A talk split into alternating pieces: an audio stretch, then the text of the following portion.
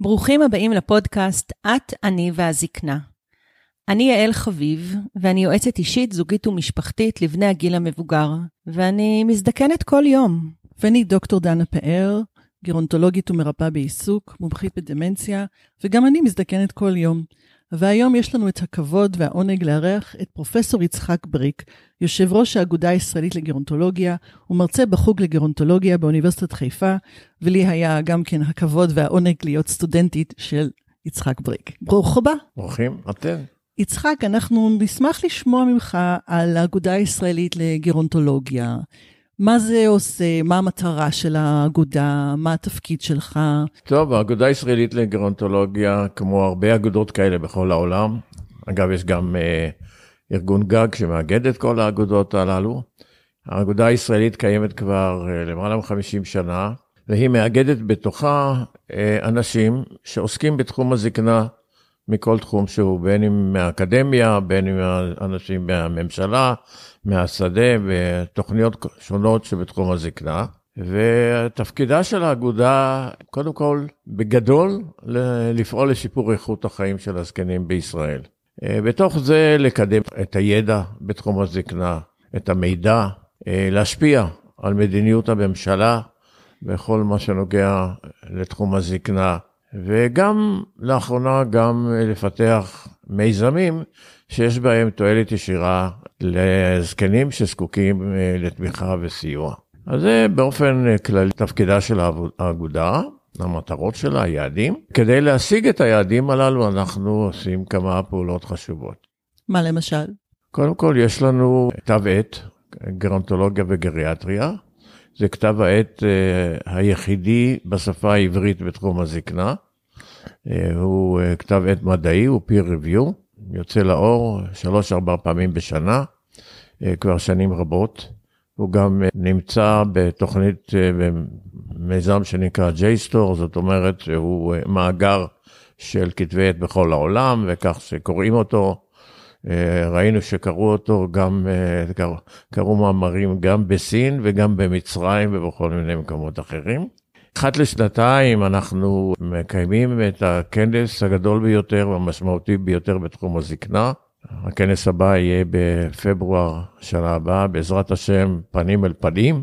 אנחנו קוראים לו גם עם הפנים אל הזקנה, ומשתתפים בכנס הזה למעלה מאלף איש כל פעם, וכל מה שחדש ומעניין וחשוב בתחום הזקנה מופיע בכנס הזה. אנחנו, יש לנו גם, אה, כמו, היום כל ארגון אה, מסודר, יש לנו פייסבוק ויש לנו אתר ויש לנו מידעון שיוצא אחת לחודש. כל הדברים הללו בעיקר כדי להביא את אה, דבר הזקנה, להעלות את המודעות לתחום הזקנה ובאמת בסוף, בסופו של דבר לתרום לאיכות החיים. ואולי עוד משהו שחשוב, שהוא די חדש, אנחנו ממש בסגר הראשון, של הקורונה, אנחנו העלינו מיזם, גייסנו אנשי מקצוע מתוך חברי האגודה, אחר כך גם מחוץ לאגודה, אנשי מקצוע בתחום הזקנה, ויצרנו קשר טלפוני עם זקנים בודדים בביתם, שהיו זקוקים לתמיכה נפשית. גייסנו אז כ-200 מתנדבים, וכמה מאות זקנים באמת נהנו מהתמיכה הזאת. זו פעם ראשונה שהאגודה גם אה, פיתחה מיזמים שנותנים שירות ישיר לזקנים, לא עשינו את זה בעבר. חידשנו את הפעילות הזאת לאחרונה, כי אה, לאט, אחרי, הסג, אחרי הסגר השני וה, והשלישי, כשהתחילה כאן האווירה שהנה אנחנו יוצאים, אז ברור שאנחנו גם הרגשנו שאולי אין מקום לתוכנית הזאת. ואז בדקנו, ומסתבר שיש צורך, ואנחנו חידשנו את זה, וגייסנו עכשיו מתנדבים חדשים, וזה פועל יפה. הדבר השני שעשינו, אה, באמת בתקופת הקורונה, היות ונושא הזקנה עלה גבוה על סדר היום הציבורי, וההתעניינות בתחום הזה הלכה וגדלה, ואחת המטרות שלנו היא להפיץ את ידע בתחום הזקנה. פיתחנו מיזם חדש, הרצאות, בדרך של רעיון ושיח אה, לציבור הרחב, לאנשי מקצוע וגם לציבור הרחב, בזום. ואחת לשבועיים באופן קבוע הבאנו מומח, את המומחים בתחום הזקנה, את פרופסור פלגי ואת פרופסור איסי דורון וכל המומחים בתחום הזקנה מהתחומים השונים. עד היום כבר ביצענו 24 מפגשים כאלה. בכל מפגש כזה יש למעלה מ-100 איש, הגענו גם ל-300 ויותר, ובהחלט חידוש מבחינה זאת שאנחנו פונים יותר לציבור באופן יותר ישיר. אני ככה בשפה עממית אולי יורדים אל השטח, ואני רוצה לשאול אותך, איפה ישראל ממוקמת על מפת העולם ביחס וטיפול בזקנים? אני סבור שאנחנו במקום טוב בקדמת הבמה. בתחומים שונים אנחנו בהחלט לפני אחרים, ובתחומים אחרים יש לנו הרבה מה ללמוד מהעולם. אני יכול לומר שבנושא למשל של חוק הסיעוד, חוק הסיעוד שנחקק כאן לראשונה ב-1980, נכנס לתוקפו ב-87, אנחנו הקדמנו את כל מדינות העולם בנושא הזה של סיעוד בקהילה. הקדמנו את, את גרמניה ואת יפן וכל המדינות שאחר כך פיתחו תוכניות דומות מאוד לשלנו, לא זהות, אבל דומות, אה, באו אחרינו. אז זו דוגמה, אני חושב, מאוד משמעותית. התחום של מרכזי היום. אנחנו פיתחנו בשנים האחרונות את הנושא של מרכז היום, והקמנו בארץ כ-180 מרכזי יום, פריסה רחבה על פני כל הארץ. לפי דעתי, הנושא הזה של מרכזי יום, וראיתי מרכזי יום בעולם, בהחלט אנחנו מתקדמים אה, לעומת אחרים. אני רוצה להגיד שבאמת בתקופת הקורונה, אחת הפגיעות האנושות ביותר עבור האנשים המבוגרים הייתה סגירת מרכזי היום. זה משהו שעלה המון, הצורך באינטראקציה עם אנשים, ביציאה מהבית, בקבלת שירות. זה באמת היה איזשהו סוג של גזר דין לדכדוך, באמת בתקופת הקורונה, כשכל מרכזי היום נסגרו. טוב, הנה, זו דוגמה, כן, שפה אה, הלכנו להשפיע על המדיניות של הממשלה. לא לבד, עם ארגונים אחרים, ובאמת אה, נאבקנו על העניין הזה, ונפתחו מרכזי היום ונקבעו תעריפים מיוחדים והסדרים מיוחדים. הממשלה הבינה את העניין ופתחה את מרכזי היום, על פי הסדרים שהתאימו לתקופה ולמצב, אבל אה, את צודקת, כמה שזה היה אותם אנשים שהיו רגילים לבוא למרכז יום, והנה מצאו את עצמם לבד בבית, באמת היה מצב נורא, וטוב שהצלחנו בסוף לשנות את המצב הזה. אני רוצה לדבר עוד קצת על הקורונה, אם כבר באמת אנחנו בעניין הזה של התובנות שהיו מהשנה האחרונה, ומה אנחנו יכולים באמת להפיק מזה. השאלה שלי היא, מה באמת למדנו על זקנה, על עולם הזקנה, בהקשר של הקורונה בשנה האחרונה, ואולי מה פספסנו, מה יכולנו לעשות יותר טוב, מתוך מחשבה של ייתכן שזה יקרה שוב. אולי אני אתייחס לזה תחת כותרת של אתגרים. זה יהיה יותר הוגן לגבי הסוגיה הזאת בכלל. בתחילת הדרך, פברואר, מרץ של שנה שעברה, בתחילת הדרך סימנו את הזקנים כאוכלוסייה בסיכון מה זה בסיכון? אוכלוסייה ש... והיה והיא נדבקה, המחלה תהיה קשה יותר, הם יתפסו את המחלקות בבתי החולים, את מכונות ההנשמה וכן הלאה. וסיכויי התמותה שם יותר גבוהים, וסיכויי התחלואה הקשה יותר גבוהים, ולכן צריך לבודד, לבודד אותם בביתם ולא לתת להם לצאת מהבית. עכשיו, אנחנו לא סברנו שזאת גישה נכונה. הבידוד של זקנים בבית מסוכן לא פחות מאשר יציאתם מהבית, וחוץ מזה, הצבענו על זה שהאנשים המבוגרים יודעים לדאוג למצבם ולשמור על בריאותם לא פחות טוב, ואולי יותר טוב, מאשר הצעירים. ולכן, אל תסגרו אותם בביתם, תנו להם להחליט, תנו להם להתנהג כפי שהם מבינים, והם יודעים לעשות את זה היטב. ועל זה היה בהתחלה, הממשלה התכוונה ממש ליצור אה, סגר כזה, שלאט לאט ישחררו את הצעירים, אבל את המבוגרים ישאירו בבית. ואנחנו כמובן התנגדנו לזה. ולא היה סגר, אה, בסופו של דבר, סגר מחייב אה, לגבי אנשים מבוגרים. היו המלצות והיו הצעות וכן הלאה. היו גם דעות שמאחורי זה בעצם עומדים גם שיקולים אה, לא כל כך צודקים, ובעיקר התנגדנו לכל העניין של הגישה על פי גיל כרונולוגי, שקובעים שמי שמגיל מסוים, הוא נמצא בקטגוריה של הסיכון. והדבר לא נכון.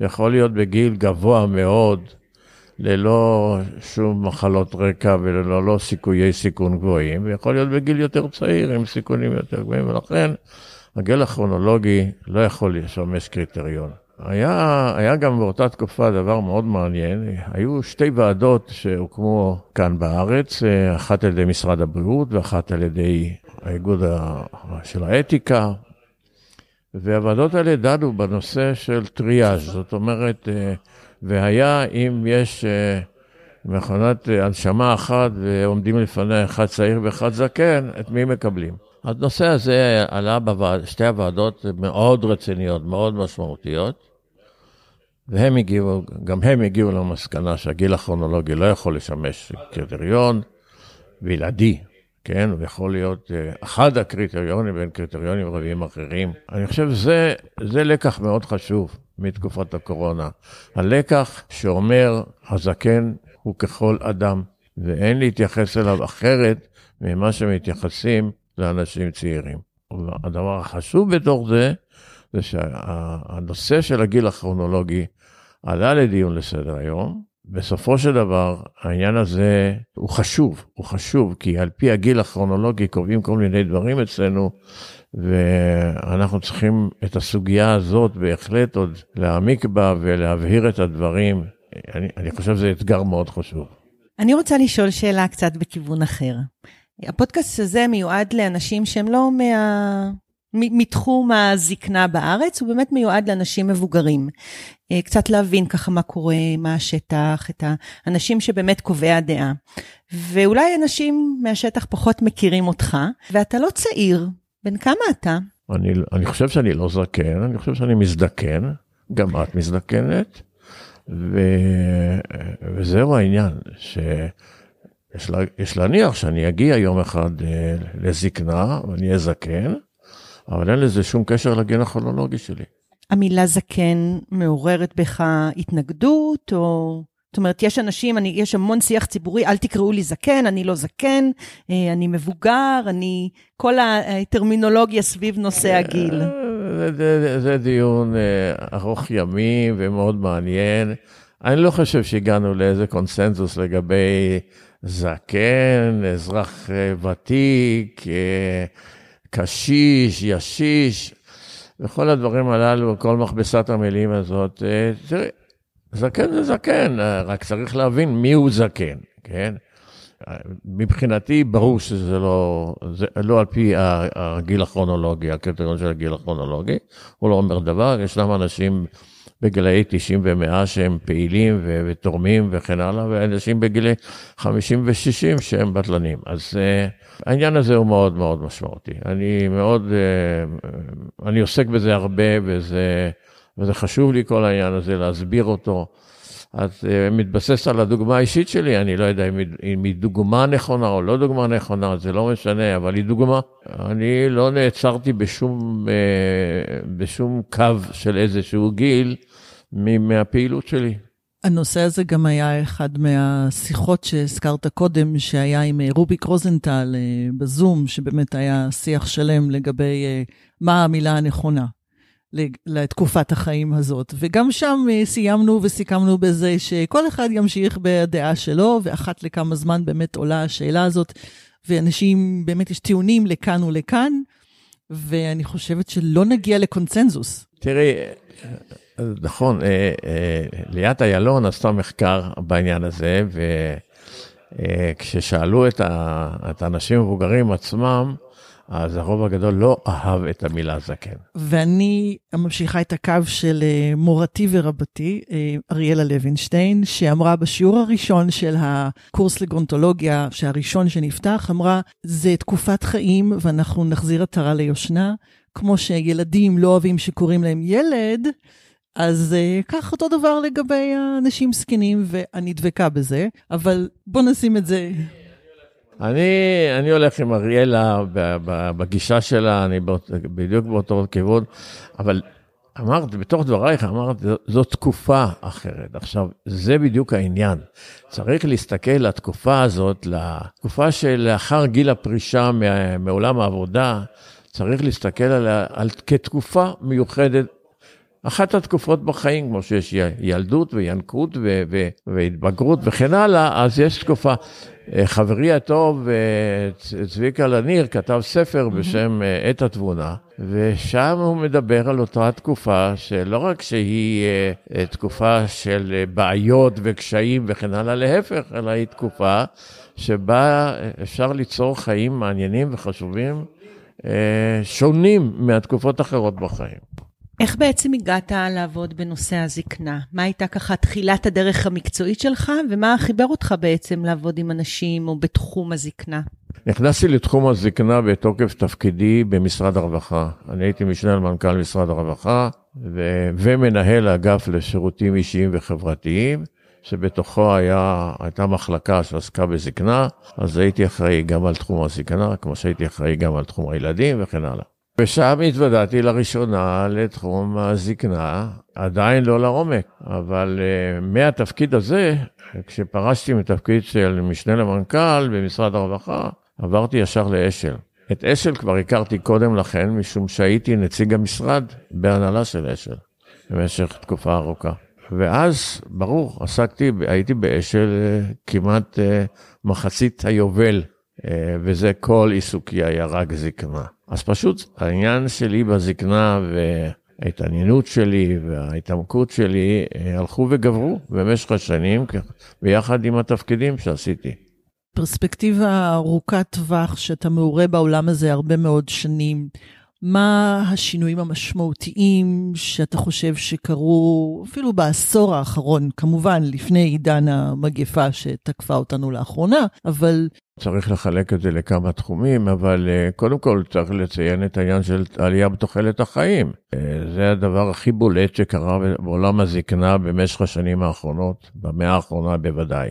אז העלייה בתוחלת החיים באמת uh, השפיעה על שינויים שונים לגבי הצרכים של האוכלוסייה המבוגרת, וכמובן גם על השירותים. לכן התפתחו שירותים אה, אה, אחרים, שונים, נוספים. אז תוחלת החיים היא אה, מאוד מאוד משמעותית. היא, היא, היא בעצם מהפכה דמוגרפית, חברתית, מאוד משמעותית. יש הרבה יותר אנשים מבוגרים. אנחנו הולכים לעולם שבו יהיו יותר, יותר זקנים מילדים. זה עולם אחר, זה כבר לא העולם של הצעירים. אז זה שינוי מאוד מאוד דרמטי. אם היינו אומרים, היינו רגילים לומר, העולם הוא שייך לצעירים, אני לא בטוח שזה כבר יעבוד בעתיד, וזה זה אחד השינויים המאוד משמעותיים שקרו, ואני חושב ש... לצערי הרב, המהפכה הדמוגרפית הזאת, ראינו אותה לנגד עינינו, היא, היא לא תפסה את קובעי המדיניות ולא הביאה את נושא הזקנה למקום הראוי לה בסדר היום הציבורי. למרות שאנחנו רואים שהרבה מאוד אנשים מובילים ומנהיגים כבר נמצאים בגיל הזקנה, לפי ההגדרות המקצועיות. ראש הממשלה שלנו לשעבר, אה, שרים רבים. נשיאים, פרס, רובי ריבלין, כן? גם יצחק הרצוג הוא עכשיו בן 60, כשגיליתי כי הוא הלך להתחסן בחיסון השלישי, הוא היה מהראשונים, אז הבנתי שהוא עושה את זה, א', כמטרה ראויה, אבל מסתדר לו גם להסת... להיכנס לנישה הזו. כן, אם היית שואלת את, את פרס או את רובי ריבלין אם הם זקנים, מה הם היו אומרים לך? שהם זקנים? אני רוצה להגיד שאחת המתנות של הזקנה אולי, או הגיל המבוגר, או אריכות החיים, זה באמת הדורות הבאים אחריך. אתה חווית סבא וסבתא בחייך? כן, כן, חוויתי, אה, בצד של אבי, לצערי, אה, הושמדו בשואה. בצד של אמי חוויתי סבתא הרבה שנים. אני לא בטוח שהילדים שלי חווים סבתאות כמו שאני חוויתי סבתאות. שזה אומר מה? שזה אומר ש... אני יכול, אני יכול למצוא עם הנכדים שלי הרבה שפות משותפות. אני לא מצאתי שום שפה משותפת עם הסבתא שלי, כן? יש לי נכד שהלך איתי לקורס יין, כן? אז uh, אנחנו חולקים את אותו תחום עניין ויכולים לדבר על יין. אז uh, זה לא הייתי יכול לדבר עם הסבתא שלי. אני חושבת שזה משהו שנורא מייחד באמת את, ה, את ההתבגרות היום, או את ההזדקנות היום. היכולת ליצור איזושהי שפה בין-דורית משותפת. נכון. זה, זה מחזיר אותנו לחלק הקודם של השיחה, של עת התבונה, כן? שאנחנו, זה, זה דור אחר, זה דור אחר שהוא, אה, בגלל, תוח, שוב, בגלל תוחלת החיים ואריכות הימים, וגם נוסף לזה כמובן של השכלה ו... והכנסה וכל מיני אה, שינויים שהיו באורחות החיים ובאיכות החיים וברמת החיים.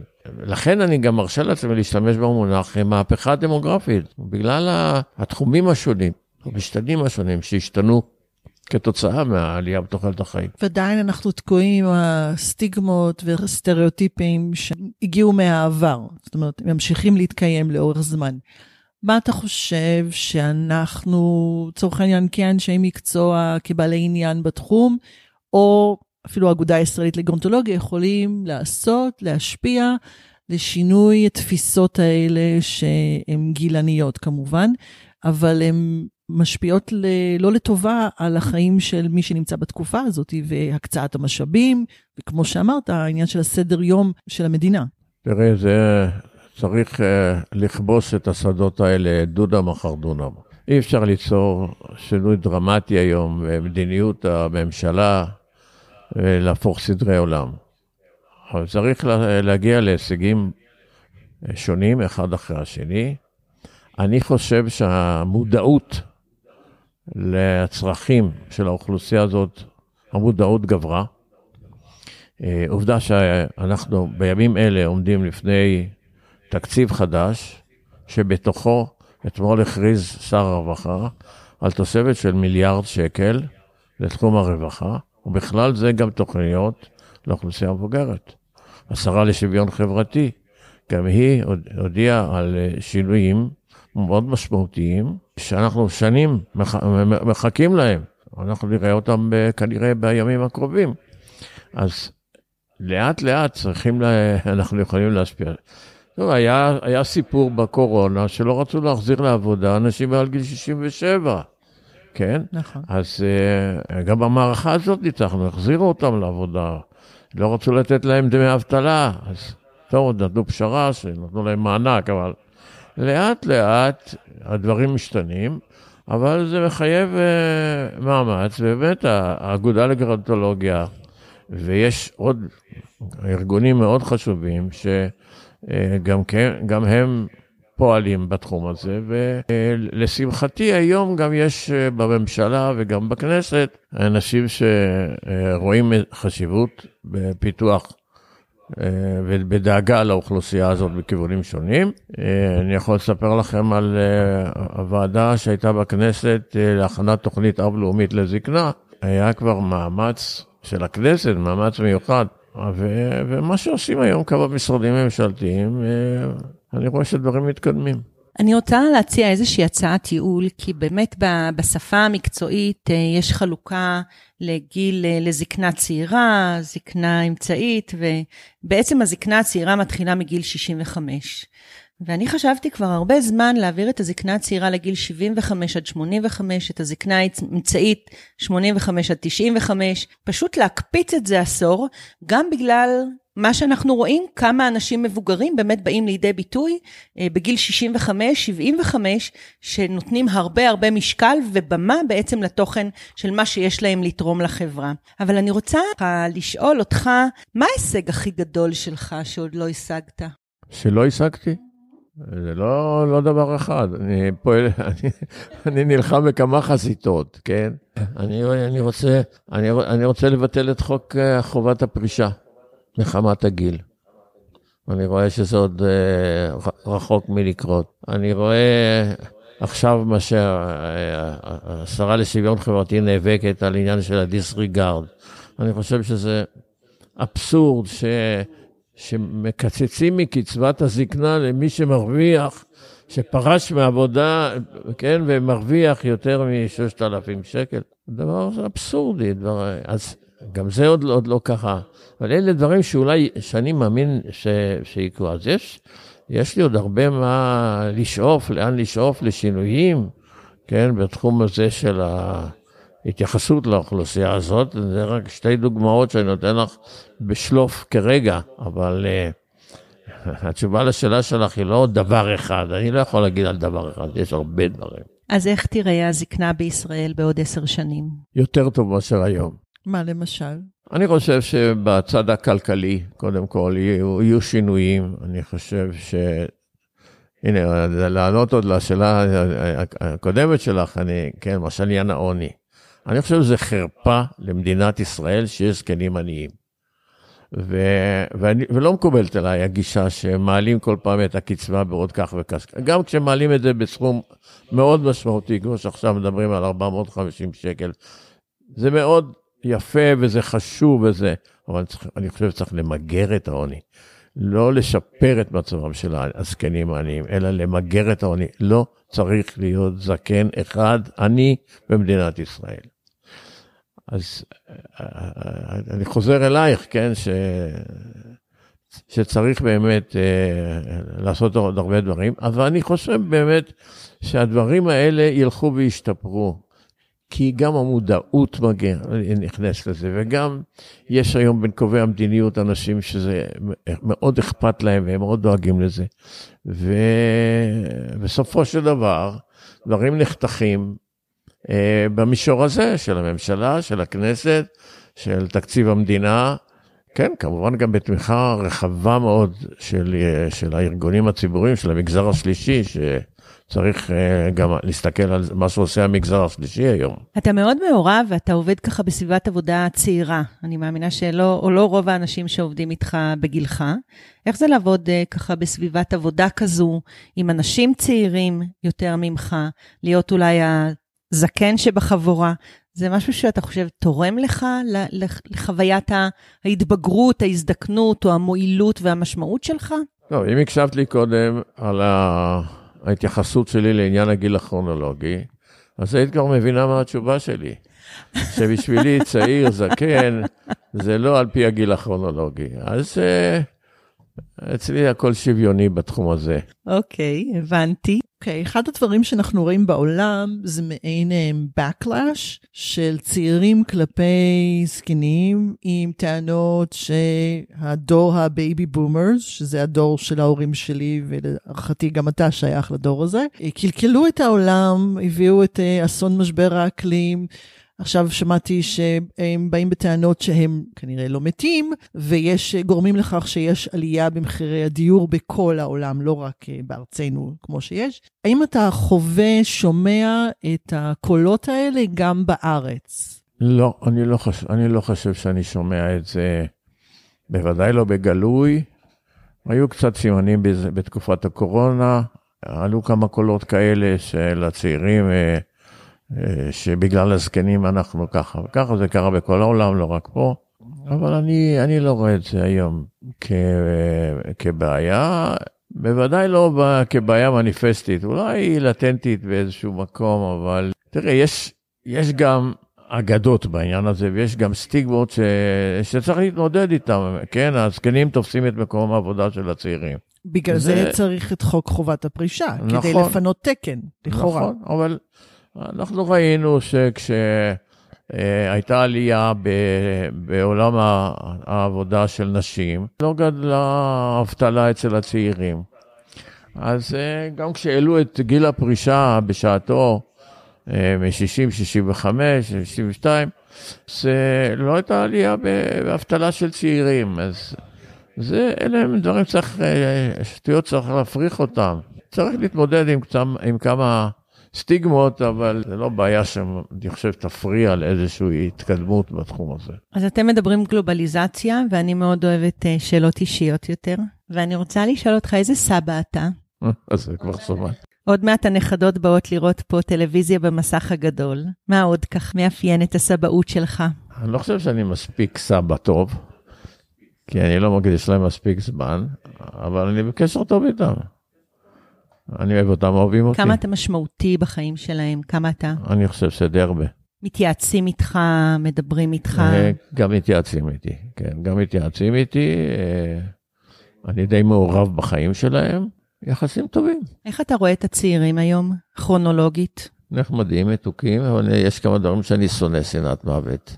אני לא יכול לראות אותם יושבים בחבורה עם הטלפונים ביד, זה הורג אותי. אני חושב שזה ממש בעיה, כי זה פוגע בכל הנושא החברתי והמשפחתי. ו... אתה סבא טכנולוגי נחשב? כן, הם מעריכים את זה שאני סבא טכנולוגי. שיש לי פייסבוק וזה וככה, ושאני מגיב להם בפייסבוק. נכדה שלי, שהיא בצבא, שהיא קצינה בצבא, הפיצה איזה תמונות. אני הגב, הגבתי על התמונות האלה בפייסבוק שלה. עשית לי פדיחה, אז כן.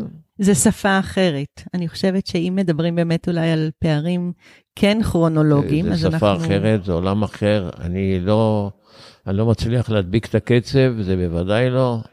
לאט לאט למדתי כמה מושגים שלא הבנתי אותם ולא ידעתי מה הם אומרים. משתדל להבין את השפה הזאת, אבל יש להם שפה אחרת, וקצב השינויים הוא, הוא דרמטי. כשאני הייתי ילד, ובצעירותי, קצב השינויים היה הרבה יותר איטי, ולכן גם ההסתגלות הייתה יכולה להיות, הייתה הרבה יותר טובה.